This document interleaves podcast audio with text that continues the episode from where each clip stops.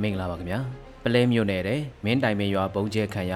နန်းခမ်းမှာတိုက်ပွဲဖြစ်ပွားနေစေခိတ္တငြိမ်သက်နေတဲ့လောက်ကိုင်းမြည်ရတဲ့မြမနွေခရိုနီကယ်ဒီဇင်ဘာ12ရက်မြင်ကွင်းမိုးမခဆောင်းပါးကိုစတင်ဖတ်ကြားပေးပါတော့မယ်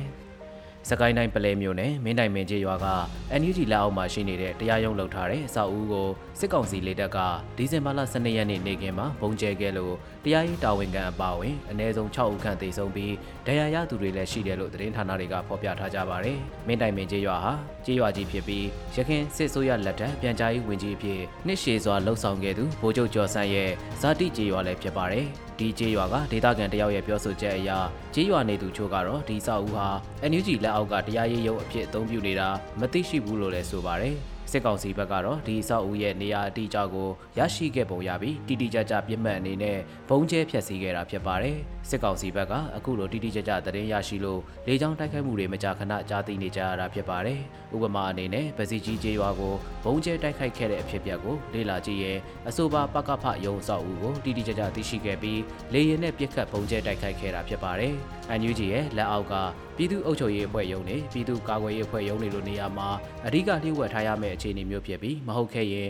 အခုလိုလေကြောင်းတိုက်ခိုက်မှုတွေခံရနိုင်ရရှိတဲ့အနေအထားလည်းဖြစ်နေပါတယ်။အခုမင်းတိုင်မင်းရွာကိုလေကြောင်းတိုက်ခိုက်တဲ့အချိန်မှာပဲစစ်ကောင်စီစစ်ကြောင်းတွေကလည်းမင်းတိုင်မင်းကျေးရွာအနီးကျေးရွာအချို့ကိုလည်းမြေပြင်ကနေရောက်ရှိနေတယ်လို့ဒေသခံတအူးကပြောဆိုထားပါတယ်။လက်ရှိအချိန်မှာမြန်မာနိုင်ငံရှေ့မြောက်ပိုင်းရှမ်းပြည်နယ်ကချင်ပြည်နယ်အစပ် ကရင်ပြည်နယ်နဲ့ပဲခူးတိုင်းတွေမှာစစ်ကောင်စီအနေနဲ့အသေးအတန်ကုကန်တိုက်ပွဲတွေဆင်နွှဲနေရချိန်မှာပဲစကိုင်းတိုင်းထဲမှာလည်းစစ်ကောင်စီစစ်ကြောင်းတွေကလှုပ်ရှားမှုတွေရှိနေဆဲဖြစ်တာကိုသတိပြုမိပါတယ်။စကိုင်းတိုင်းလိုမြန်မာနိုင်ငံအလဲပိုင်းကဒေသတွေကိုစစ်ကောင်စီအနေနဲ့နေဆက်ဒေသတွေလိုလွယ်လွယ်နဲ့စုပ်ပေးမဲ့အနေအထားမျိုးမဟုတ်တာလည်းတွေ့ရမှာဖြစ်ပါတယ်။စကိုင်းတိုင်းမန္တလေးတိုင်းချင်းရင်းမြေရိုးတခြားအေရီမြေရိုးဒေသတွေကစစ်ကောင်စီဖို့မဟာဗျူဟာအရာရေးကြီးတဲ့နယ်မြေတွေအဖြစ်သတ်မှတ်ထားတဲ့အနေအထားမျိုးဖြစ်ပါလိမ့်မယ်။စစ်ကောင်စီအနေနဲ့တော်လှန်ရေးတပ်ဖွဲ့တွေအင်အားစုတွေအများအပြားရှိနေပေမဲ့ပေါင်းစည်းမှုမရှိခြင်းစူပေါင်းပြီးလှုပ်ရှားနိုင်တဲ့အနေအထားမျိုးမဟုတ်ခြင်းလက်နက်ကိုင်တိုက်ဖွဲ့တွေအနေနဲ့ရောနိုင်ငံရေးအရာပါတစုတစည်းတည်းမဖြစ်နိုင်သေးတဲ့အနေအထားကစစ်ကောင်စီရဲ့ဖို့အခွင့်အာဏာစေတဲ့အချက်လဲဖြစ်နေတဲ့သဘောလို့ကောက်ချက်ချနိုင်ပါတယ်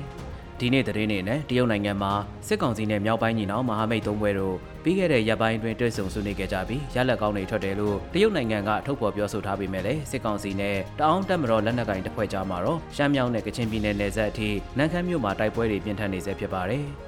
စစ်ကောင်စီရဲ့စခန်းသစ်လို့အမည်ပေးထားတဲ့စီးရီးရအရေးပါတဲ့စခန်းကုန်းတစ်ခုကိုတအောင်းတက်မတော်ကတိုက်ခိုက်နေတာသတင်းတစ်ပတ်ချီရှိနေပြီးစစ်ကောင်စီဘက်ကလည်းအပြင်းထန်ကာကွယ်နေတဲ့အကြောင်းသတင်းတွေမှာဖော်ပြထားကြပါတယ်။ ဒီဇင်ဘာလ17ရက်စနေရက်နေ့ထိတောင်တက်မတော်နဲ့စစ်ကောင်စီတပ်တွေအဲ့ဒီဒေသတဝိုက်မှာတိုက်ပွဲတွေဖြစ်နေတယ်လို့နန့်ခမ်းရဲ့တောင်ဘက်ကြောင်မဲမြို့ရဲ့မြောက်ဘက်တအောင်းလူမျိုးတွေအများစုနေထိုင်ကြတဲ့နန်းဆန်မြို့အနီးကတအောင်းပလောင်လူမျိုးတွေနေထိုင်ကြတဲ့နေရာတွေကိုစစ်ကောင်စီကလေကြောင်းနဲ့ဇက်တိုက်ဆိုသလိုတိုက်ခိုက်နေတဲ့သတင်းတွေလည်းပေါ်ပြထားကြပါတယ်။အခုလိုလေကြောင်းကနေတိုက်ခိုက်တဲ့ area တွေဟာတအောင်းတက်မတော်စိုးမိုးထားတဲ့ area တွေဖြစ်ပြီးစစ်ကောင်စီဘက်ကတအောင်းတက်မတော်ကိုဖိအားပေးဖို့ရအခြေစိုက်ရာနေရာတွေကိုလေကြောင်းကအပြင်းထန်တိုက်ခိုက်နေတဲ့သဘောလို့ယူဆရပါတယ်။စစ်ကောင်စီတပ်တွေနဲ့တအောင်းတပ်မတော်ပြင်းထန်တိုက်ခိုက်နေတဲ့အချိန်မှာမြောက်ပိုင်းသုံးဖွဲ့တွေကတစ်ဖွဲ့ဖြစ်တဲ့ကိုကန်လက်နက်ကိုင်အဖွဲ့ MNDAA နဲ့ကတော့တိုက်ခိုက်မှုတွေအခုရက်တွင်အရှိန်လျော့နေတဲ့အနေအထားလို့ဆိုနိုင်ပါတယ်။ ကိုကန်ကိုပိုင်အုပ်ချုပ်ခွင့်ဒေသရဲ့ရုံးဆိုင်ရာဒေသကုတ်ကရေးစစ်ဌာနချုပ်ဓာကဆအခြေဆိုင်ရာလောက်ကိုင်မြို့ကို MNDAA ကဝိုင်းထားတာသတင်းတစ်ပတ်ရှိနေပြီးမြို့ရင်းမှာအရက်အခေါ်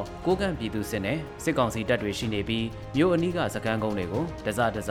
MNDAA ကသိမ်းယူထားပြီးစစ်ကောင်စီတပ်တွေကိုလက်နက်ချဖို့ပြောဆိုနေတာလည်းဖြစ်ပါတယ်။တစ်ဖက်မှာတော့အခုရက်ပိုင်းတွင်တရုတ်နိုင်ငံကူမင်းမြို့ကငင်းညံရေးတွေ့ဆုံဆွေးနွေးမှုရဲ့အကျိုးဆက်ကဘာရလက်ထွက်ပေါ်လာမလဲမှန်းဆရခတ်နေသေးတဲ့အခိုက်အတန့်ဖြစ်ပါတယ်။တွေ့ဆုံဆွေးနွေးမှုတွေနဲ့ပတ်သက်လို့ထွက်ပေါ်လာတဲ့ဆွေးနွေးမှုတွေမှာတော့စစ်ပေးတဲ့ဒေသမှလူလူကိုလူသားချင်းစာနာမှုအကူအညီပေးဖို့အယက်သားသို့မဟုတ်စီးရင်နဲ့မပတ်သက်သူတွေကိုခွဲခြားမှုမရှိဘဲတိုက်ခိုက်နေတာတွေကိုရက်စဲဖို့ဆိုတဲ့အချက်တွေရှိပါတယ်။တရုတ်နိုင်ငံအနေနဲ့အခုလိုဆွေးနွေးပွဲတွေဖြစ်လာအောင်တွန်းအားပေးဖိအားပေးတာတွေလှုပ်ဆောင်ခဲ့တာတန်တရားရှိစရာမလိုပါဘူး။အခုရက်ပိုင်းမှာတော့တရုတ်နိုင်ငံဘက်ကဖြတ်ပြီးရိတ်ခါစားတောက်စေဝါစားတာတွေကိုပိတ်ဆို့လိုက်ပြီလို့လည်းသတင်းတစ်ခုကဆိုထားပါတယ်။အဆိုပါသတင်းချက်လက်ကဘယ်လောက်ထိမှန်ကန်တယ်လဲအတိမပြုတ်နိုင်ပေမဲ့တရုတ်နယ်စပ်ရှမ်းမြောက်မှာဖြစ်နေတဲ့လက်တလောတိုက်ပွဲတွေကိုရပ်တန့်သွားဖို့သူ့အနေနဲ့လိုလားတဲ့အနေအထားမျိုးရောက်သွားပြီလို့ကောက်ချက်ချနိုင်တာဖြစ်ပါတယ်။၎င်းရဲ့ရည်မှန်းချက်အတိုင်းအတာတစ်ခုတည်းပြည့်မြောက်သွားသလိုနောက်ထပ်လက်နက်ကင်တိုက်ပွဲတွေကဘသူအတွက်အကျိုးထက်အပြစ်ကပိုများလာမဲ့အရေးကိုတွေးမြင်နေတဲ့သဘောလို့လည်းကောက်ချက်ချမိပါတယ်ခင်ဗျာ။